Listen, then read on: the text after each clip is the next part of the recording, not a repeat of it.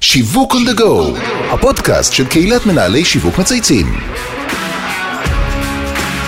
שלום לכולם וברוכים הבאים לפרק חדש של שיווק on the go, הפודקאסט של קהילת מנהלי שיווק מצייצים.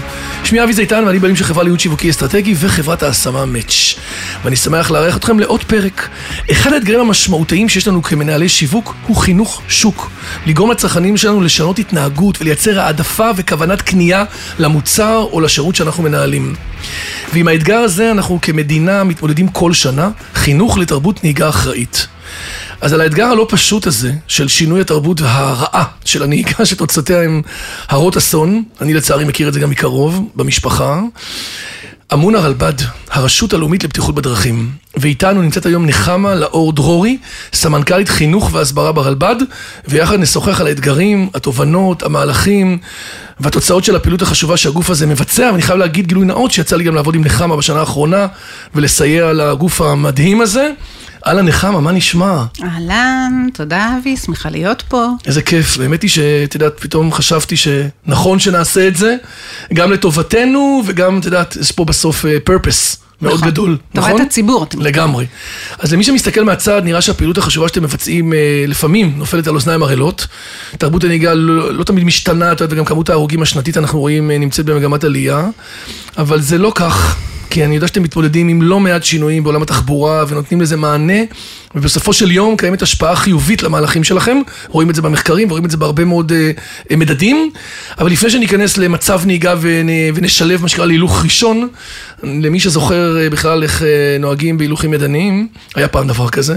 אנחנו מתחילים כל פרק בהיכרות אישית עם המרואיין, אז נחמה תספרי לנו עלייך, על החיים האישיים, מסלול קריירה, תרגישי חופשי.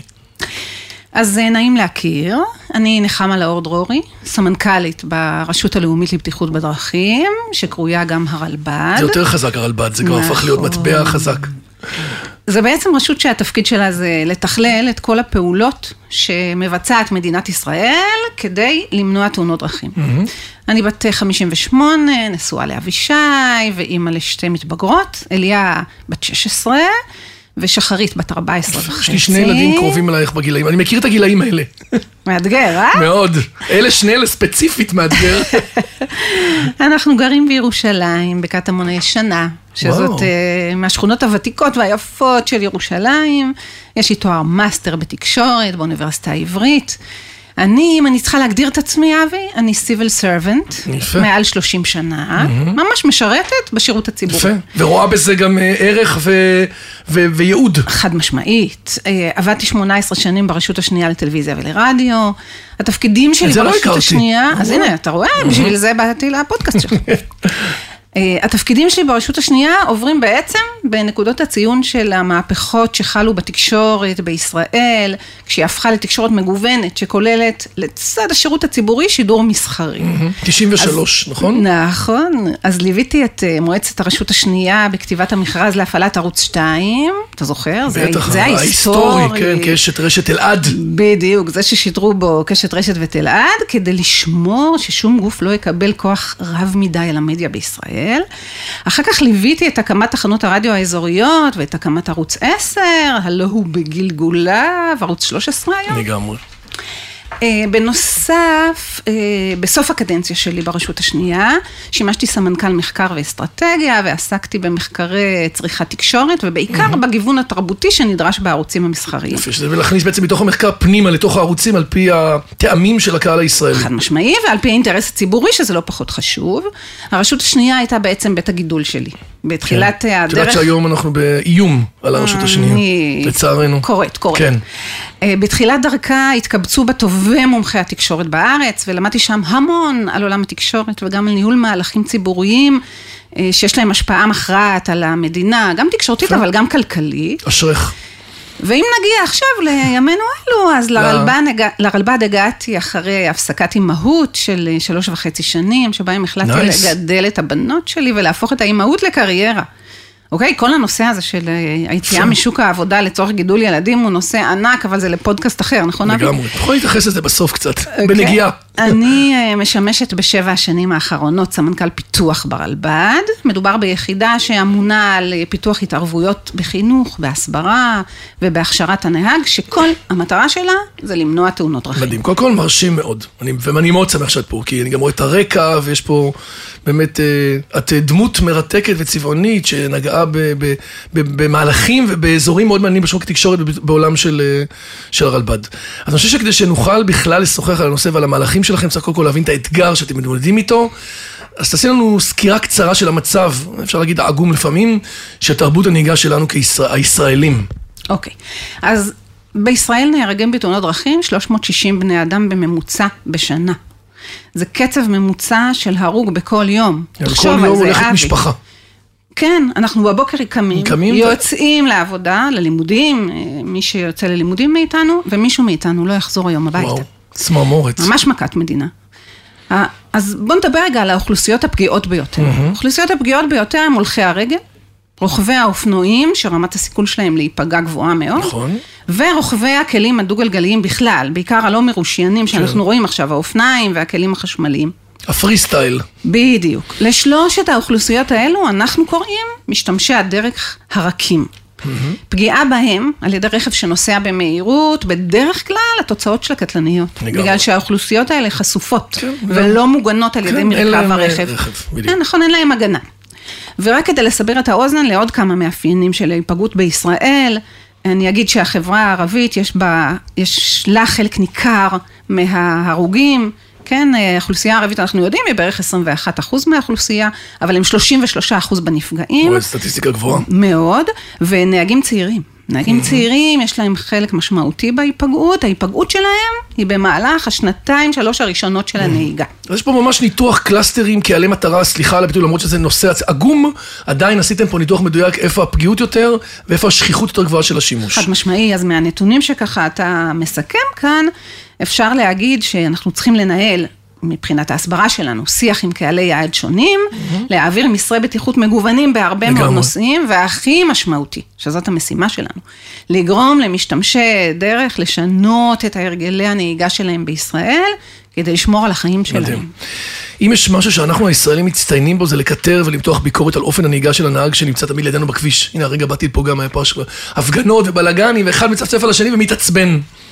אבל לא לדרך שבה אנחנו נוהגים, אנחנו סבבה, אנחנו בסדר. עד כמה באמת הישראלים הם חסרי אחריות בכביש וממה להבנתך זה נובע?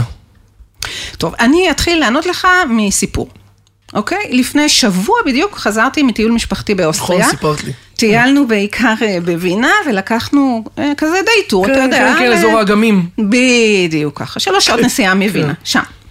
בדרך חזרה, אני רואה שמתחילה להיווצר אה, האטה בתנועה, והנה, תראה, אני עכשיו מתארת לך את המחזה שנגלה לעיניי. כל הרכבים מאטים ונצמדים לשולי הכביש, ימינה ושמאלה, כאילו בסדר. מופתי, כן, וואו. פותחים ככה. עכשיו למה הם זזו הצידה? תאר לעצמך, זה כמו קריאת ים כן, סוף, כן, תתאר ממש. לך את זה בראש, תדמיין. ואני בתמיהה שואלת את הנהג, תגיד, מה קרה? למה כולם זזים לצדדים? והוא עונה לי, יש פקק, וצריך לשמור על נתיב מרכזי רחב לרכבי הצלה ומשטרה, שאולי יזדקקו לעבור אולי. בו. אולי. אולי. לא עבר אף רכב כזה, כן אבי? ומהרגע שעצרנו בצד, אף אחד לא זז ממקומו. לא ניסה לעקוף, לא ניסה להתקדם עוד קצת, לא ניסה להידחף, כולם עומדים בסדר מופתי. אז זה נכון שיש שם אכיפה נרחבת, ומי שיפר את החוקים צפוי לעונשים משמעותיים, אבל זה לא רק זה. זאת התרבות ואקלים הבטיחות שם, שבעצם נשענת על החשיבות של הציות לחוקי תנועה, ועל ההבנה שהחוקים האלו נועדו לשמור שזה עלינו. בסוף מציל חיים, זה עבורנו, זה לא כי זה... וזה מציל חיים. המשטרה. חד משמעית. עכשיו אני רוצה לספר לך עוד דבר בהקשר הזה. אנחנו בוחנים עכשיו מחקרים על היפגעות של נהגים צעירים, שדיברנו עליהם קודם, שהם אוכלוסייה פגיעה. אה, ואנחנו מוצאים שאחד הדברים שהכי משפיעים על סוג הנהג. שנהיה, זה טיפוס הנהג שהיו ההורים שלנו. שימו לב שהסיכוי של... זה צע- ה role modeling, את אומרת. בדיוק. שימו לב שהסיכוי של צעירים להיהרג בתאונות גדול פי 1.7 וואו. מנהגים בוגרים, כן? אלה שהם מעל גיל 24. הנהגים הצעירים הם 30 אחוז מההרוגים בתאונות דרכים. כלומר, בדיוק מה שציינת, כן. כל נושא ה modeling, שזה המודל שאנחנו משמשים לילדים שלנו, אה, הוא קריטי. לשמירה על החיים שלהם. זאת אומרת שיש פה עוד כאילו קהל חשוב, וזה אנחנו כהורים, בתוך הסיפור של משמעית. הצעירים, נכון? שבעצם יוצרים role modeling ויוצרים בעצם את ה base שממנו דור מעביר לדור בעצם את חד ההתנהלות משמעית, בכביש. יש לנו אחריות והשפעה מכריעה על כן. ההתנהגות של הילדים שלנו בכביש. צריך לזכור בצד זה שהגורם האנושי, אנחנו, יכולים למנוע 90% מהמקרים. שימו לב, זה לא אומר שהגורם האנושי אשם בתאונות ברור, האלה. יכול למנוע. אבל הוא בהחלט יכול, בדרך הנהיגה. שלו, למנוע היפגעות. תקשיבי, פתחת פה עולם צר של, אני יושבים אותך, שומעים אותך עכשיו, אנחנו קהילה של 13-14 אלף סמנכ"לים, מנכ"לים, שאני בטוח ששומעים אותך ומתפלצים. מה שאת אומרת על חיקוי תרבות הנהיגה של ההורים זה סופר מעניין. האם זאת תובנה שאתם עומדים לעשות בה שימוש? ומה בכלל האסטרטגיה ההסברתית של הרלב"ד כרגע? אז אה, אני קודם אגיד שהרבה אנשים פוגשים אותי, וכששומעים מה אני עושה, יש להם המון עצות אליי. טוב, זה, כולם. זה, זה כל איש הסברה נכון. יודע להגיד לך. כל איש הסברה ושיווק שכולם מבינים שיווק. נכון, אז אותי שואלים, למה אתם לא מראים לאנשים את התוצאות של התאונות? למה לא מראים להם את. התוצאות הקשות? שוקינג. ככה. את ההרוגים, את הקרובים של הקורבנות. במקרה אני יודע שעשית על זה עבודה גדולה, ובחנת נכון, את זה. נכון, נכון, אז כדאי לומר כאן באופן ברור, שמחקרים שלמדנו אותם בתחום ההסברה לשינוי התנהגות, ברורים מאוד במסקנה החד משמעית שלהם. הפחדה? הפחדה לא לגמרי, עוזרת. לגמרי. לפעמים אפילו היא עושה אפקט בומרנג, בגלל שהיא מייצרת התרחקות מהמסר. ואני רואה את זה, אני אומר, לא רוצה לראות את זה. נכון, הורדת מסך. אתה ממש. מתנתק, זה לא שייך לי, אני לא רוצה להיות קשור שם. אני לא קשור לזה. אז מה כן הדרך לייצר את השינוי הזה? אז הדרך לייצר את השינוי לאורך זמן, כן? אנחנו מדברים כן. על פעולה יומיומית, כמו נהיגה. היא בדרך של גיוס, בדרך חיובית, שמייצרת אמונה במסוגלות שלנו לעשות שינוי ומסמנת תקווה. לבצע שינוי. האסטרטגיה שלנו מדברת על היעדים החיוביים, החשובים, שאנחנו רוצים להגיע אליהם בחיים, כן? זאת אומרת, אסטרטגיה שיווקית אומרת, בוא ניקח את הזווית החיובית, ובוא נדבר על ה-what if החיובי. לגמרי. על אירועי החיים החיוביים. אני רוצה להגיע לארוחת הערב המשפחתית. יפה. אני רוצה להגיע לטקס סיום כיתה א' של הילדה שלי, ללוות אותה בבת מצוו שלה, אחר כך בגיוס שלה או שלא. אני רוצה לנהוג טוב כדי להגיע למשפחה שלי בדיוק. ולחיים שלי, ולהישאר נוכח. ממש, אנחנו חייבים להתנהג בצורה אחראית. אפרופו לסמס בנהיגה, ואפרופו... אה, לשמור על מהירות עקיפות. מותרת, לא לעקוף במצבים מסוימים, מסוימים. בבין עירוני, בעירוני, נכון? זה גם בא לידי ביטוי בכל הנתיבים. בשניהם גם יחד. יפה. אם אנחנו רוצים להגיע ליעדי החיים, אז זה הדברים שאנחנו צריכים לשמור יפה. עליהם. זה בעצם האסטרטגיה שהולכת אה, לצאת עוד מעט, נכון? כן. שעליה את עובדת. בקמפיין, כן, כן. שתכף במקרה אדבר אני קצת עליו. מכיר אותו. כן. במקרה, רק במקרה. הזכרתי בפתיח שיש תחושה שלמרות הנוכחות המשמעותית שלכם במדיה, הרי סך הכל רואים אתכם, יש לכם share of voice יפה, אפרופו, עוד התחלת בערוצים המסחריים ואת מכירה איך בונים מהלך אה, אה, מנצח.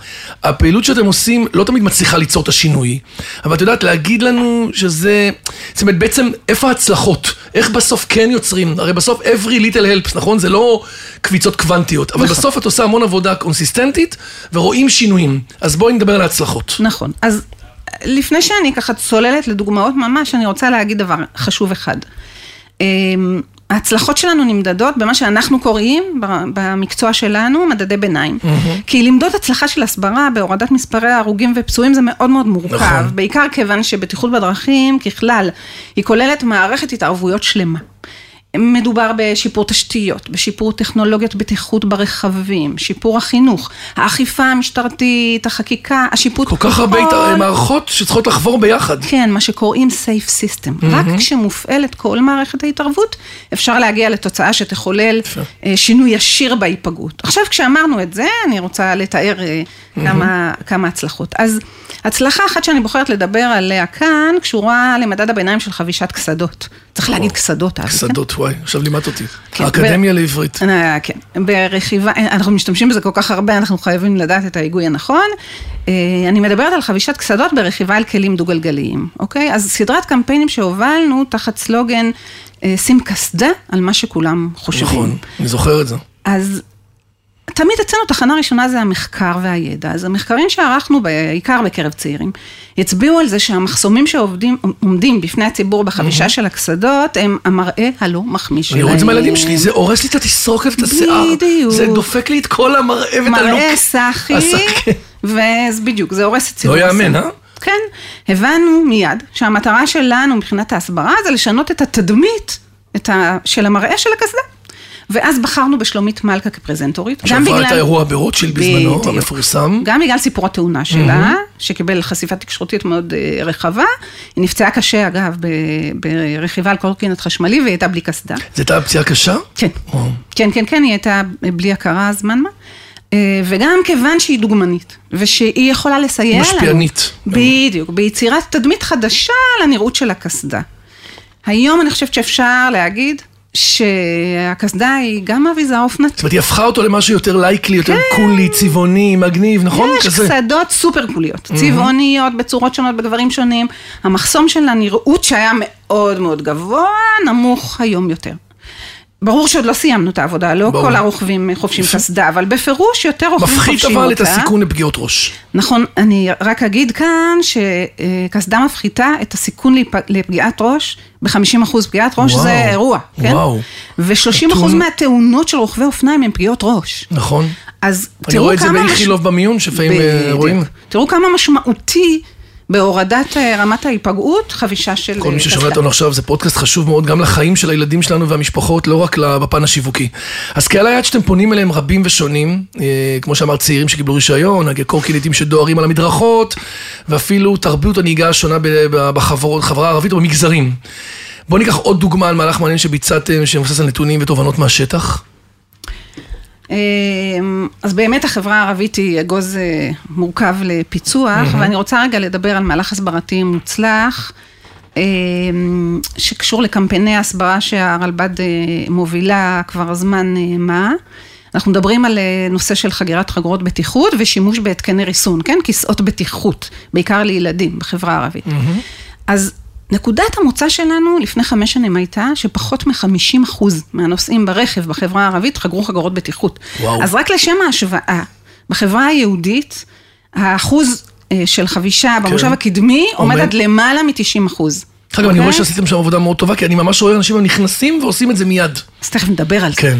במושב הקדמי אנחנו מדברים על 85 אחוז, אבל אה, פער עצום בין החברה הערבית לחברה היהודית. אז אנחנו ביצענו כמה מחקרים בקרב נהגים וגילינו שבחברה הערבית קודם כל אין מספיק מודעות אה, למסוכנות של אה, נסיעה ברכב ללא חגירת חגורות בטיחות, וחברה הערבית מאוד מאוד מושפעת מהנורמה של אי חגירה, כי אני אגיד אפילו שמי שחוגר בחברה הערבית חגורה הוא לא גבר.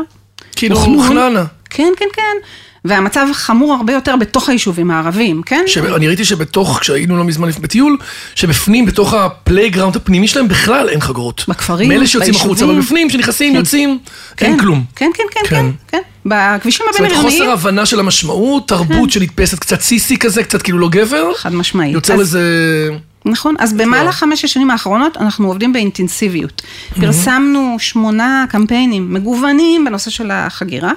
הקמפיינים הבהירו לקהל, לקהל היעד שלנו שהשנייה הכי חשובה בחיים שלהם זה השנייה שבה הם חוגרים את החגורה, אוקיי? מדובר בפעולה שלוקחת בדיוק שנייה אחת, וזה נאמר על, על מנת להגביר את תחושת המסוגלות שלהם לבצע את הפעולה הזאת. וגם נתנו כלים פרקטיים לחגירה, איך נכון לחגור, איך להתמודד עם סירוב לחגור. ובנוסף הדגשנו שגם בנסיעות קצרות, כמו שאמרת, ביישוב, בתוך כן. היישוב, יש סכנה. יש תאונות קטלניות אומרים שקורות גם בתוך שמרביתן היישוב. קורות דווקא ב- מסביב לבית. נכון, לחלוטין. את כל הקמפיינים האלו הובילו כמובן פרזנטורים מתוך החברה הערבית. אמ, וראיתם ו- תוצאות למהלך הזה בסוף, נכון? כן, כן, כן, וחתמנו את הקמפיינים האלה בנתון הקריטי לגבי אה, שמירת החיים של החגורה, זה ההבדל בין תאונה קטלנית לתאונה עם פצועים שניתן להציל אותם, כן. אז חשוב להגיד שאנחנו אה, גם מקפידים לעבוד עם אנשי מקצוע מהחברה הערבית. כן? אנשי אסטרטגיה, כן, אנשי כן, כן, קריאייטיב. ממש לוקחים את כל. המומחים לתחום הזה, שמכירים את התרבות. ואת ההתנהגות צרכנים. אז כמו ששאלת, איך אנחנו יודעים שהצלחנו? אה, במחקר אה, תצפיות שאנחנו ביצענו לפני שנה, עלה אחוז החגירה בחברה הערבית ללמעלה מ-70 אחוז. מי שעוסק במהלכי הסברה של שינוי התנהגות מבין שיש כאן שיפור מאוד משמעותי. לגמרי. ואנחנו חגגנו את ההצלחה הזו עם החברה הערבית, כן? ביצענו קמפיין אה, שמספר על השיפור ומגביר את המסוגלות של החברה הערבית להמשיך ולהוביל את השינוי. אה, נשארה לנו עוד עבודה, כן? לא, לא כן. כן. סיימנו מבחינה אסטרטגית, כי המטרה שלנו זה להגיע לאחוזי החגירה בחברה היהודית. הפאזה הבאה שאנחנו הולכים לגעת בה זה לייצר מצב שבו הנורמה השלטת בחברה הערבית היא חגירה, ומי שלא חורג, הוא ה- חוגר, הוא הוא החריג. הקיצון, שזה? אולי, אולי האתגר הגדול יותר. כן, כן, כן, ניתן, אה, אתה- אנחנו הולכים על הקו של אה, most of us do. אה, בכלל, תעקבו אחרינו כדי לראות איך המהלך הזה מתקדם. אז. אז תגידי למי שעכשיו שומע איפה, איפה אפשר לראות את כל החומרים. אז אתר הרלב"ד, הרלב"ד, ומיד אתם תגיעו אליו, והרשתות החברתיות שלנו כמובן. כן, הנכסים הדיגיטליים. נכון, ועוד דבר שחשוב לי מאוד להגיד, זה שהיעד האמיתי, הסופי של הרלב"ד הוא חזון אפס הרוגים. אנחנו מתפללים כולנו שתגיעו ליעד הזה, ואני מניח שלא תנוחו עד שזה יגיע. לא ננוח עד שהיעד הזה ימומש. בוא נעבור רגע לשאלה אישית, אני בטוח שיש לך לא מעט פעמים במהלך הקריירה, את שבע שנים כבר ברלב"ד, והיית בתפקידים בכירים, שאת יודעת, מדי פעם מנסים לפתות אותך, או שאת חושבת אולי לעשות מעבר לשוק העסקי, נכון? ונראה לי כאילו שכרגע את אה, מאוד כאילו חזקה במקום שאת נמצאת בו היום. מה השיקולים בסוף? אה, שומעים אותך לא מעט מאזינים ומאזינות שמתלבטים תמיד האם ללכת לזירה של אה, עמותות, doing good, את יודעת, משרדים ממשלתיים, למול עולם עסקי שיותר מתגמל, יותר כאילו מגניב. כן. מה, מה את אומרת להם? טוב, אני אתחיל להגיד שהסיפור של השירות הציבורי זה כמעט בגנים המשפחתיים שלנו, כן? יש לי אחות שעובדת במשטרת ישראל.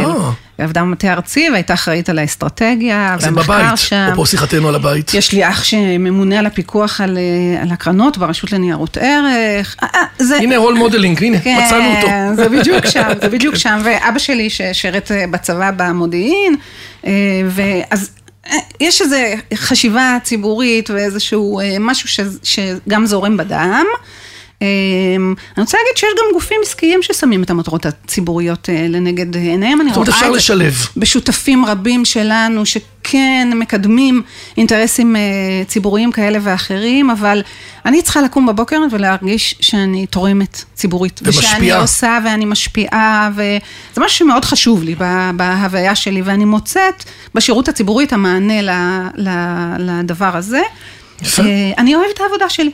יפה. אז לפני שנעבור לשלב השאלות הקבועות, אה, יש לך עוד מסר מעצם תפקידך שאת רוצה להעביר לכל מי ששומע ושומעת אותנו? אמ, אז אני אגיד ככה, אני מציעה שאנחנו נעלה בבוקר לכביש, רק אחרי שיחה שלנו עם עצמנו, שאנחנו מבטיחים לעצמנו ולאהובים שלנו לעשות הכל אחלה רעיון. כדי לחזור הביתה בשלום. אתם תראו שאתם, אם תעשו את השיחה הזו, תעלו על הרכב נהגים אחרים, אדיבים יותר, מחוברים יותר לעצמנו, לא, משו, לא מושפעים מנהגים אחרים ומההתנהגות שלהם, אחראים יותר על עצמנו ועל אחרים זאת אומרת, שלידינו. נכנסים לרכב, חושבים על הבן, על הבת, על ההורים, על המשפחה, על החברים, עושים רגע עם עצמנו כמו איזה דמיון מודרך כזה, קצת אה, סוג של מדיטציה. משמעית, מדיטציה שכזאת. שכזאת, ואומרים, אני רוצה לחזור נכון. בסוף היום הזה, למשפחה שלי, לחיים שלי, ואני אעשה הכל כדי לעשות את זה, וחלק מהסיפור זה לעשות שינוי באופן שבו אני נוהג, וסלחן, ונדיב, ווואטסאפים, במטרה לחזור הביתה בשלום. מקסים. כן. יש לנו סדרת שאלות קבועות שאנחנו שואלים תמיד כל מרואיין, אז אה, עכשיו אנחנו הולכים לכיוון קצת אחר, דיברנו על הצלחות. האם יש גם לקחים, דברים שפחות הצליחו, איזושהי תובנה שיש לך ממהלך שעשית, ואת אומרת, אפשר לעשות אותם אחרת? בטוח. אמ, משהו אחד. כן, אחד הקהלים המאתגרים ביותר להגיע אליהם, למרות שהם מהווים חלק משמעותי במעורבות שלהם בתאונות דרכים, זה צעירים ערבים. צעירים בכלל אה, בעיה. גם צעירים וגם, אה, ערבים, הערבית. אגוז קשה לפיצוח. שילוב. אז הצלחנו להבין שאנחנו לא מבינים מספיק טוב אותם, את התפיסות שלהם, את העמדות שלהם, כן. ולכן ערכנו קבוצות מיקוד. בתו, מתוך הקבוצות מיקוד הצלחנו להבין שהנהיגה היא פורקן עבורם. ושההתנהגות הפרועה שלהם בכביש מתחברת עם תפיסה שגויה כן. של מה זו גבריות. אחלה מעניין. גבר הוא מי שדופק רייסים בכפר. וואלה. שמראה שליטה ברכב, שנוהג במהירות, ושכולם רואים אותו כשהוא על הכביש. שופוני. ו- בדיוק כך. למדנו עוד שלבנות במשפחה, לאימא, לאחות ולחברה, יש השפעה ממתנת על הנהיגה הזאת. אמ, כשהם ליד הנהג, הוא מרגיש אחראי עליהם, ולכן הוא ינהג קצת בצורה פחות יותר מתונה. בזה, כן, בשופוני. נכון. ואז המסקנה שלנו הייתה שנשים מוערכות, כן, כאלה שאתה שואף שתהיינה בנות הזוג שלך, אה, העבירו את המסר, שהן לא רואות בנהיגה פרועה משהו גברי, אלא דווקא מזלזלות במי שמתנהג כך. הבנו שהמסר המסר הזה הוא הפרעה, וחשבנו שההפרעה הזו תייצר קשב. ומה קרה? עכשיו, בפרספקטיבה, אנחנו צריכים לחשוב מחדש על הגישה הנכונה, על הצעירים האלו. צריך לראות איך נגישים אל, מגיש, ניגשים אל הקבוצה הזו, אל הקהל הזה, באופן מגייס יותר ופחות באופן שמזלזל בהתנהגות שלהם. זה אתגר מאוד לא פשוט. החברה הערבית נמצאת עכשיו במצב שבו האלימות היא הנושא המרכזי שמעסיק אותם. שבטיחות בדרך רחוקה לצערנו מלהימצא בראש סדר העדיפויות. ובכל זאת, אנחנו לומדים אותם יותר ויותר, את אורח החיים שלהם, את האפיקים שיסייעו לנו להגיע אליהם ולהציל אותם מעצמם. יפה. שאלה שנייה שלנו שאנחנו מפנים לכל מי שמתארח אצלנו, זה לבחור איזה מותג מייצג אותו באופן הכי טוב. מעניין מה המותג שלך. וואי, איזו שאלה יפה, יפה ומאתגרת. אמ, האמת היא שאני רוצה להציע, וזה בטח לא קורה לך הרבה כאן בפודקאסט. בטח תביאי תשובה שאף אחד לא נתן, היו כבר איזה 260 פודקאסטים כן. שדיברו על נטפליקסים ולגו ומותגים ונייקי, את יודעת מה, התשובות של אנשי שיווק. אה, לא, אז אני רוצה לייצר, אה, להציע לייצר מוצג, מותג, אמ, ולאו דווקא לבחור מותג קיים. המותג שאני רוצה מאוד להציע לקדם הוא המותג של עובד הציבור. ה-Civil Servant. ה-Civil Servant. לתת לו פתאום נופח תדמיתי חדש. כן. ל... אבל לפני הנופח כן. התדמיתי. בראש ובראשונה, שירות הציבורי בישראל צריך לייצר עובד ציבור נשאף. כן, אנחנו צריכים לדאוג להכשיר אותו. להיות כזה, לדאוג שתהיה לו הבנה עמוקה מאוד מה התפקיד כן. שלו, מי זה בעלי המניות שלו, כן. מה החשיבות של התפקיד שלו, ואז אחרי שנייצר את עובד הציבור שיש לו את עמוד השדרה המקצועי והציבורי, צריך לייצר איזושהי גאוות יחידה, ולמתג את יחידת העילית הזאת, אוקיי? יש, יש תשוקה מאוד יפה. עמוקה לעסוק בתהליך הזה. יאללה, אז תרימי את זה, נעזור לך. וואלה. יש פה אנשי שיווק שבטוח שומעים אותך ואומרים, מעניין מאוד. היה לי, כן? כדאי, היה לי כדאי לבוא לכאן היום, אבי. קיבלת פה עכשיו אה, כן, עוד, אה, עוד כן. גב. אני גם בטוחה שיש לי שותפים רבים שהם עובדי ציבור בנשמה, שאוהבים את מה שהם עושים. אני אוהב את זה. שמרגישים את תחושת השליחות העמוקה הזאת בכל יום שהם מתייצבים לעבודה, ומבינים שיש צורך לייצר יחידת עילית כזאת ולהשקיע. נחמה, הבאת פה יציאה באמת יצירתית, אף אחד לא דיבר על זה מעולם, כמובן, ואני אומר, אה, just do it. להרים את זה, לקדם את זה, זה, יש הרבה כאלה בציבור הישראלי. אני חושב שהעת הזאתי מתאימה לדבר הזה. זאת אומרת, העידן האותנטיות הזה שאנשים כן מחפשים, לא רק להסתכל על עצמם אלא לעזור, אנחנו נמצאים גם בתקופה לא פשוטה של עשייה ושל uh, עבודת ציבור. אז יש לנו uh, מיזם, אבי. יאללה, יש מיזם, רצנו. ואני אנסה לגייס עוד כמה אנשים, יאללה, תעשי התנעה. רצנו.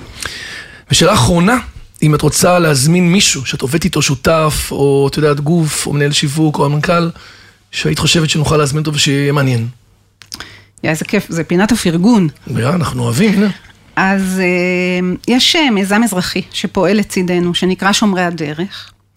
ומדובר באזרחים שמתנדבים לשמור עלינו בדרכים. הם נוסעים עם אה, מצלמות רכב. אה, ראיתי את זה. כן, כן, כן שמתעדות את הכביש. וכשמתבצעת עבירת תנועה היא מתועדת ונשלחת לבעל הרכב. וגם מוצ... הם מוציאים גם איזשהו שלט כזה שלהם כזה, נכון? קוראים לזה משהו שומרי... שומרי הדרך, מישהו שממש מדבקה כזאת. מדליק, מדליק. כן. כל זה כדי לאפשר לנו לראות את עצמנו בכביש, ויגייס אותנו לשנות את ההתנהלות שלנו. אז מובן שהעבירות מאוד קשות ומסגנות חיים מועברות למשטרה, שהיא גם שותפה כן. מלאה לפרויקט הזה, אבל מרבית התיעודים נועדו לייצר... לתת לנו. בדיוק, מעטפת בטיחות אזרחית. ככה אתם נראים וככה נסעתם, ש... והנה... ורוב האנשים לא רוצים להיראות ככה, אבי, חדשה, לא רוצים להיראות ככה. וואו. אנחנו רוצים בתהליך הזה לעשות איזשהו שינוי של תרבות נהיגה.